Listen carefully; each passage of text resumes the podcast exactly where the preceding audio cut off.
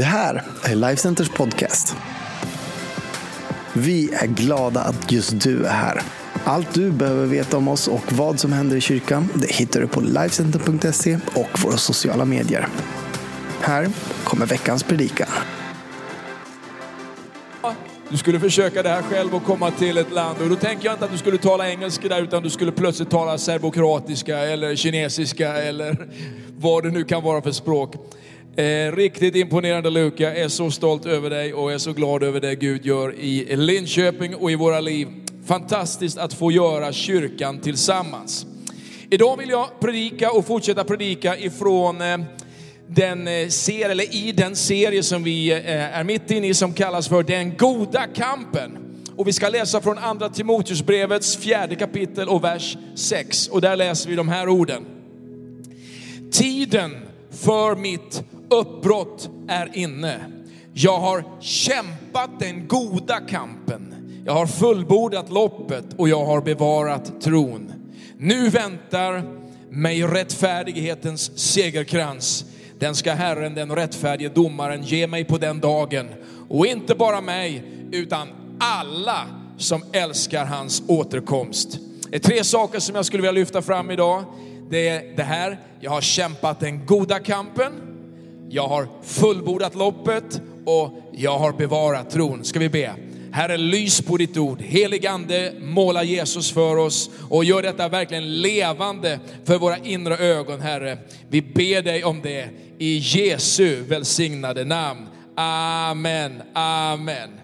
Den goda kampen, tre saker. Det första alltså, en god kamp. När jag inledde den här serien om den goda kampen så berättade jag att det goda, det var ett grekiskt ord som heter kalos. Och det goda, det betydde alltså någonting som var exceptionellt, någonting som var av högsta kvalitet, någonting som var outstanding, någonting som var superbt. Alltså att ge det bästa man hade, det absolut bästa man hade i fighten och i kampen. Och bilden som vi läste, eh, den kommer alltså ifrån en sportterm eller en sportsituation där den här kampen mellan två stycken brottare, det handlar om att den ena han skulle ner på backen och han skulle liksom besegras. Och för att göra det möjligt så skulle man alltså ge sitt bästa i den fighten. Att man gör en första klassens insats, ett första klassens jobb emot en motståndare som man har. Det är alltså någonting som är en god kamp, någonting som är bra. Och låt mig utveckla det här lite mer. Det här är ett tema som Paulus kommer tillbaka om och om igen. Han använder om sitt eget liv när han beskriver de insatser han har gjort för att leva som en apostel, som leva, eh, och leva som en efterföljare till Jesus. Han eh, har varit en välkänd person, han har varit en eh, prominent person, han har varit en, eh, en på den tiden kan man säga, den tidens mediafigur va? som alla i den här religiösa världen kände till. Och så blir han då en förföljare av kristna. Han sätter de första kristna i fängelse, han till och med är med när den första martyren Stefanos stenas och dödas. Och han tycker att det här är jättebra.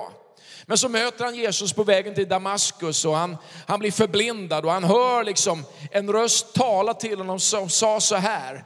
Saul, Saul, vem, äh, varför förföljer du mig? Och han vet inte vem det är som talar till honom, men så hör han en röst som säger, det är jag Jesus som du förföljer.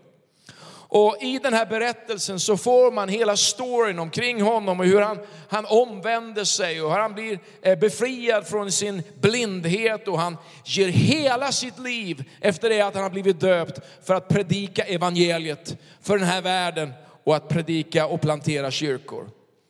Han beskriver alltså den här kampen omkring sitt eget liv, vad det har kostat honom. Hur all koncentration liksom i hans liv har varit fokuserad på att nå fram till seger, oavsett hur lång tid det tar och hur mycket kraft den kräver. Han har en sån här whatever it takes spirit, en total överlåtelse till seger. När jag förberedde mig för den här predikan så, så kom jag att tänka på en, en berättelse från när jag växte upp den, eh, det var en bok som man brukade läsa ganska mycket i olika kyrkor, som var en biografi som handlade om en, en ung eh, predikant som, eh, 1958 läste en artikel i Life Magazine om gängvåldet i New York. Han hette David Wilkerson och han blev så berörd av den här storyn omkring gängvåldet att, att de skulle behöva Jesus. Så han reser till New York. Han har inga pengar och han har, eh, inte mycket pengar i alla fall, och han har inga kontakter. Och så ensam då kommer han till Brooklyn med risk för sitt eget liv och började predika rakt in i gängvärlden om den Jesus som han trodde på och som han hade en övertygelse om kunde förvandla de här gängmedlemmarnas liv. Storyn i, i Korset och Stiletten som boken heter, den centreras kring en gängledare för eh, ett gäng och ett, ett, eh, ett crew som heter Mau Maus. Och den här gängledaren, han heter Nico Cruz. Och hur han fylld av hat gör resan och till sist på grund av Davids övertygelse, hans oerhörda uthållighet och hans passionerade kärlek för de här gängmedlemmarna hittar Jesus. Och då tänker jag så här, du vet det här med en god kamp, att kämpa en god kamp. Det är en bild som är passande för Sverige idag. Vem är det som predikar för gängen i Sverige idag som skjuter ihjäl varandra? Vem är det som predikar in i de bostadsområden som är segregerade? Vem predikar för, för områden som är nästan helt under någon form av inflytande av kulturer som, som hindrar människor att leva ett öppet liv? Vem predikar för dem idag? Och jag känner en nöd för det här. Det finns så många världar som inte är på andra sidan jordklotet, men är lika onådda som om du fanns mitt i djungeln någonstans långt borta. Allt som görs i tro har ett motstånd. Och allt som görs i tro innebär en kamp för att vinna. Och vi vet att den seger vi lever i, den seger som Jesus har vunnit över död och helvete, den seger som tillhör oss i Jesu Kristi namn. Kanske går du igenom en, en kamp idag eller har gjort det tidigare. Du ska inte vara förvånad över att en kamp kommer. Men den heliga ande, han vill gå med dig i de här fighterna. Han vill gå med dig och uppmuntra dig att inte backa från ett liv tillsammans med honom. Ett liv som du kan leva och övervinna i på grund av den kärlek som Jesus har för dig och den kärlek som du kan ha för andra människor. Life Center har alltid varit en kyrka som talat mycket om att nå människor med evangelium. Vi vill vara en kyrka med en inbjudande kultur. En kyrka där många nya människor kommer till tro. Och det blir de, och det kommer de att uppleva sina liv när du och jag passionerat berättar för andra människor om vem Jesus Kristus är. Den blir de när vi predikar evangeliet in i de olika världar som vi har insteg i. Kanske inte du är en person som först och främst tänker att du ska gå till gängvärlden. Men du kanske finns på en arbetsplats, du finns i business, du finns i, i skolvärlden, i utbildning, du kanske finns i, i, i, eh, i kommunen, du kanske jobbar liksom på ett socialkontor, du kanske finns i, i en idrottsvärld. Det finns en värld som Gud har kallat dig att nå. Predika honom frimodigt. Det är en god kamp att kämpa. För det handlar inte om att ta ihjäl människor som en del religioner är ute efter. Nej, det handlar om att erbjuda kärlek och ett fantastiskt liv tillsammans med Jesus. Det andra jag tänker på är att få fullborda loppet. För det var ju det texten sa i början, vad det Paulus sa. Tiden för mitt uppbrott är inne. Han vet att han snart ska avrättas och han säger, på väg dit, jag har kämpat den goda kampen, jag har fullbordat loppet och jag har bevarat tron. Att fullborda loppet. Jag vet inte, har du sett eh, filmklippet med eh, den svenska äventyraren Göran Kropp? När han har nått där till Mount Everest topp så är ju inte det bara en sak som hände av sig själv. Han har cyklat ifrån Sverige till Himalaya. Han har cyklat hela vägen dit och jag vet inte hur många punkterar han lagat men jag kan garantera att det var mer än en.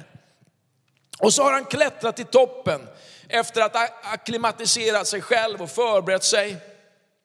Och så når han toppen till råga på allt utan all den här extra del, liksom extra, ska vi säga, tillskottet av syresatt luft som han hade kunnat bära med sig upp och andas på vägen upp. Och där på toppen så säger han de berömda orden, jag klarar det. Jag klarar det. Vilken insats. Men som många vet så är det faktiskt så här att den där delen att klättra upp, det är bara liksom den första delen. Man brukar till och med säga att det inte är ens hälften av resan. Därför att den riktigt svåra delen är att ta sig ner igen. Därför att det är på vägen ner som de flesta olyckorna sker. De händer på nervägen och till råga på allt, när han väl har tagit sig ner så skulle han sätta sig på sin cykel och som en avslutande del av sin expedition cykla hem till Sverige igen från Himalaya. När mina föräldrar slutade sin pastorstjänst vid 75-77 års ålder så kom jag ihåg festen där min mamma beskrev sitt liv. Många gånger så talar jag naturligtvis om min pappa, va? men jag tänkte faktiskt mycket på min mamma. Och jag, jag vet hur hon beskrev att hon som en ung kvinna ställdes inför frågan om hon kunde gifta sig med någon som skulle bli predikant. Och när hon blev kär i min pappa och han i henne så, så tänkte hon så här när de tänkte på sin framtid, jag kommer aldrig att klara av att vara gift med en predikant.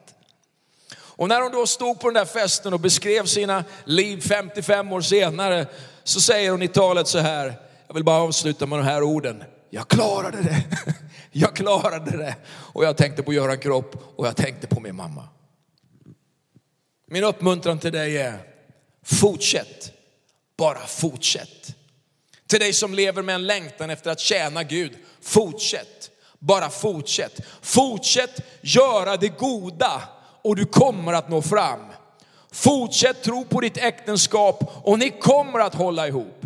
Fortsätt jobba på dina sidor och du kommer att utvecklas som människa. Fortsätt läsa din bibel och du kommer att ha andlig mat så att du inte är hungrig. Fortsätt att be och du kommer att vara med och flytta berg. Fortsätt vara en förälder och det kommer att gå väl för dina barn. Fortsätt att sträcka dig framåt, fortsätt att utbilda dig, fortsätt att vara hungrig på mer. Fortsätt att ge, fortsätt att spara, fortsätt att bygga, fortsätt att tjäna. Bli inte cynisk, bli inte loj, bli inte medioker. Brinn och fortsätt brinna för Jesus. Det finns en fantastisk uttalande, en härlig sån här one-liner ifrån en gammal evangelisttjänst som sa så här, vad ska man göra för att vinna människor? Och då svarar han så här, set yourself on fire. People would love to come and see you burn. Alltså att vara brinnande för Jesus, det är attraktivt. Och det kan du vara på ditt sätt, precis som jag är det på mitt sätt. Vi ska vara glada över att Gud har lovat att aldrig överge oss. Hans kraft att bevara dig, den är enorm. Det står så här i Johannes 17 och vers 15. Jag ber inte att du ska ta dem ut ur världen, utan att du ska bevara dem från det onda. Han säger om sin kamp, Paulus, när han ska fullborda loppet i andra Timoteus 1 och 12. Det är därför jag får lida allt detta. Men jag skäms inte, för jag vet på vem jag tror på. Och jag är övertygad om att han har makt att fram till den dagen bevara det som har anförtrotts åt mig. När Bibeln i Nya Testamentet beskriver förmågan att bevara och att fullborda loppet så är det en militär beskrivning. Om du kan måla bilden framför dig själv så är det bilden av ett stort fort som bevakas av en mängd olika soldater. Det beskyddas av den där liksom armén, det där fortet. Och det är bilden av hur Gud vill bevara i dig det som han har anförtrott dig. När Paulus beskriver sitt liv så säger han så här att han har suttit i fängelse. Han beskriver hur han blivit slagen, han har blivit eh, piskad, han har, han har blivit stenad, han har lidit skeppsbrott, han har drivit på öppna havet, han har upplevt faror på floder och bland rövare, han har upplevt faror i städer och i öknar, han har mött svek bland bröder, han har vakat på nätter, han har varit hungrig, han har varit törstig och ovanpå allt detta så har han känt oron och nöden för de församlingar av nya troende som han har fått med och se planteras. I andra Korintierbrevet kapitel 11 vers 32 så står det faktiskt så här, i Damaskus lät kung Aretas ståthållare bevaka staden för att gripa mig. Och jag firades ner i en korg genom en öppning i muren och kom undan hans grepp. Snacka om action movie. Vilket liv! Jag skulle vilja ge dig några enkla tips om hur du kan bli bevarad och fullborda ditt lopp. Några enkla tips som faktiskt är helt bibliska och sanna. Det första är det här, Gud, han vill bevara dig ifrån ditt eget kött. Och vad betyder det? Alltså kött, vad är det för någonting? Ja, när Bibeln använder ordet kött så används det för att beskriva människans syndiga natur, den fallna naturen. Du vet den som inte gör det den egentligen vill göra. Du vet den där som säger man borde göra så här, man vet vad som är rätt men ändå gör man fel. I Romarbrevet 8 så står det så här i vers 2. Så finns nu ingen fördömelse för den som är i Kristus Jesus. Livets andes lag har i Kristus Jesus gjort mig fri ifrån syndens och dödens lag. Det finns frihet i Jesus. Och det finns en frihet i hans nåd som övervinner allt det som din syndiga natur vill göra. Det finns kraft hos Jesus för att kunna säga nej till det som man inte behöver göra. Det andra jag tänker på är att Gud vill bevara dig från en kärlek till den här världen. Alltså den, och då använder Bibeln det, det ordet för att beskriva det som vill ta över ditt liv. Från det som är det viktigaste och det som tillhör Gud och det som ligger på Guds hjärta. I första Johannes 2 står det så här, vers 15. Älska inte världen, inte heller det som är i världen. Om någon älskar världen så finns inte faderns kärlek i honom. Du vet, man kan bli köpt av många saker. Det finns många saker som pockar på ens uppmärksamhet och man kanske vill göra det goda, man kanske vill följa sin kallelse, men så får man ett erbjudande som leder en bort ifrån det som egentligen man är ämnad att göra med sitt liv. Världen vill ta över. Men Gud, han vill ge dig kraft att övervinna det. För det finns en som har övervunnit världen, han heter Jesus. Och genom tron på honom så får du kraft att välja det rätta för ditt liv. Han vill också bevara dig ifrån falska ledare. I andra Korinthierbrevet 11 och 13 står det så här, sådana människor är fastla, falska apostlar oärliga arbetare förklädda till Kristi apostlar. Det var sådana som ville leda den första kyrkan snett. Det lät väldigt andligt, men det hade ett, ett, ett innehåll, en content som ledde dem bort ifrån sanningen om vem Jesus var och hans nåd räckte. Och då står det så här, inte undran på det säger han. Satan själv förklär sig till ett ljusets ängel. Det finns alltså hos Jesus och i tron på honom en kraft att bevara dig ifrån falska ledare som vill leda dig snett. Han vill också bevara ditt sinne. I Jesaja från gamla testamentet, en av profetböckerna, så står det så här i Jesaja 26 och 3. Den som är fast i sitt sinne bevarar du i frid. För han förtröstar på dig. Vem vill inte uppleva frid? Då vill Jesus då vill den kraft Gud ger, den heliga ande i dig, bevara dig så att du blir fast i ditt sätt att tänka, ditt sätt att se på omständigheter så att du kan få leva i frid. Men han vill också bevara ditt hjärta. Filipperbrevet 4.7. Då skall Guds frid som övergår allt förstånd bevara era hjärtan och era tankar i Kristus Jesus. Han vill bevara din vilja. Det är omöjligt ibland att göra det man vill om inte Gud får kontrollen över din vilja. Filipperbrevet 2.13 säger, för det är Gud som verkar i er både vilja och gärning. Alltså att du både vill göra det som är rätt och att du gör det som är rätt fram till den frälsning, eh, för att hans goda vilja ska ske för att hans goda vilja ska ske. För det är Gud som verkar i er både vilja och gärning för att hans goda vilja ska ske. Wow! Men han vill också bevara dig i tron och det var ju det tredje Paulus talade om. Vad var det han sa? Ja, han har kämpat den goda kampen. Han har fullbordat loppet och han har bevarat tron. Låt mig avsluta med det. I första Petrus brevs första kapitel och vers 5. Det står så här, med Guds makt bevaras ni genom tron fram till den frälsning som är redo att uppenbaras i den sista tiden. Med Guds makt, med Guds hjälp kan du bli bevarad genom tron. Så tron är nyckeln. Att sätta tro till det Gud har sagt. Så kan du bli bevarad fram till den dag då Jesus kommer tillbaka. På varenda område i livet vill Gud bevara oss genom tron. Han erbjuder oss en bevarande kraft. Och det är genom tron på honom som vi får ta emot den. Allt vi behöver är att lita på honom och ta emot det han erbjuder oss. Och när man litar på Gud, när man litar på Jesus, när man litar på det Jesus sagt till oss, så kommer han att bevara oss. När du frestas att synda, när du fruktar eller när du är orolig, lita på Gud. Och han kommer att beskydda dig med sin kraft. Ja men PJ, då tänker du så här, men ge mig bara, liksom, ge mig bara det snabba nu. Hur? Hur gör han det? Du ska få två sätt. Det första är genom sin heliga ande i oss. Lyssna här, genom sin heliga ande i oss. Han fyller oss.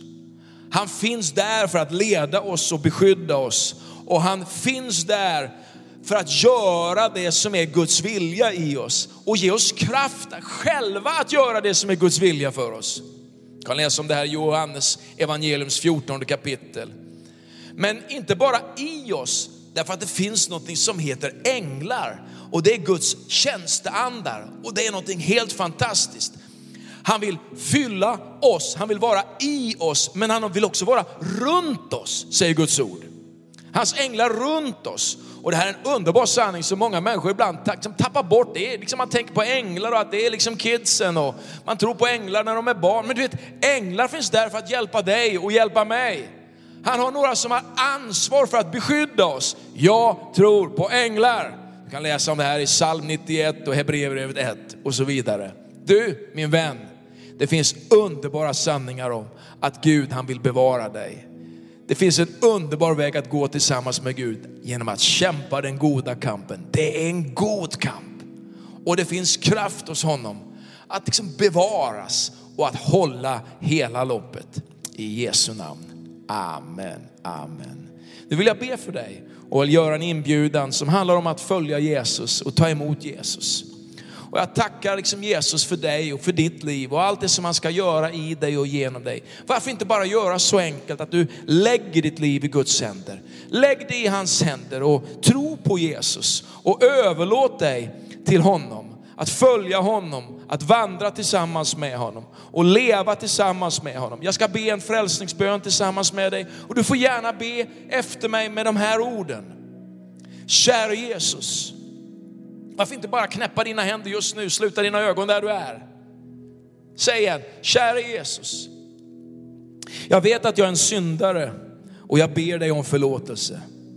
Jag tror att du dog för mina synder och uppstod från döden. Jag vänder mig bort från mina synder och välkomnar dig in i mitt hjärta och mitt liv. Jag vill lita på och följa dig som min Herre och Frälsare. I ditt namn jag ber. Amen. Amen. Har du bett den bönen? Wow, då är du vad Bibeln säger frälst och du får börja vandringen tillsammans med Jesus. Bästa du kan göra är att ta kontakt med någon som du känner som har en tro på Jesus och berätta för dem om ditt beslut. Kom också tillbaka och lyssna på oss. Kom in person i någon av våra locations, i våra platser där vi finns. Följ oss online, var med och följ oss. Vandra tillsammans med oss och dela livet framåt tillsammans med Jesus. Jag skulle också vilja tala till dig lite kort som är en kristen, som kanske har funderat lite över din kamp. Jag skulle säga, häng i. Kom ihåg min predikan, bara fortsätt. Bara fortsätt vandra med Jesus. Han har inte glömt dig, han är med dig. Tack för att du har lyssnat på mig idag och Gud välsigne dig.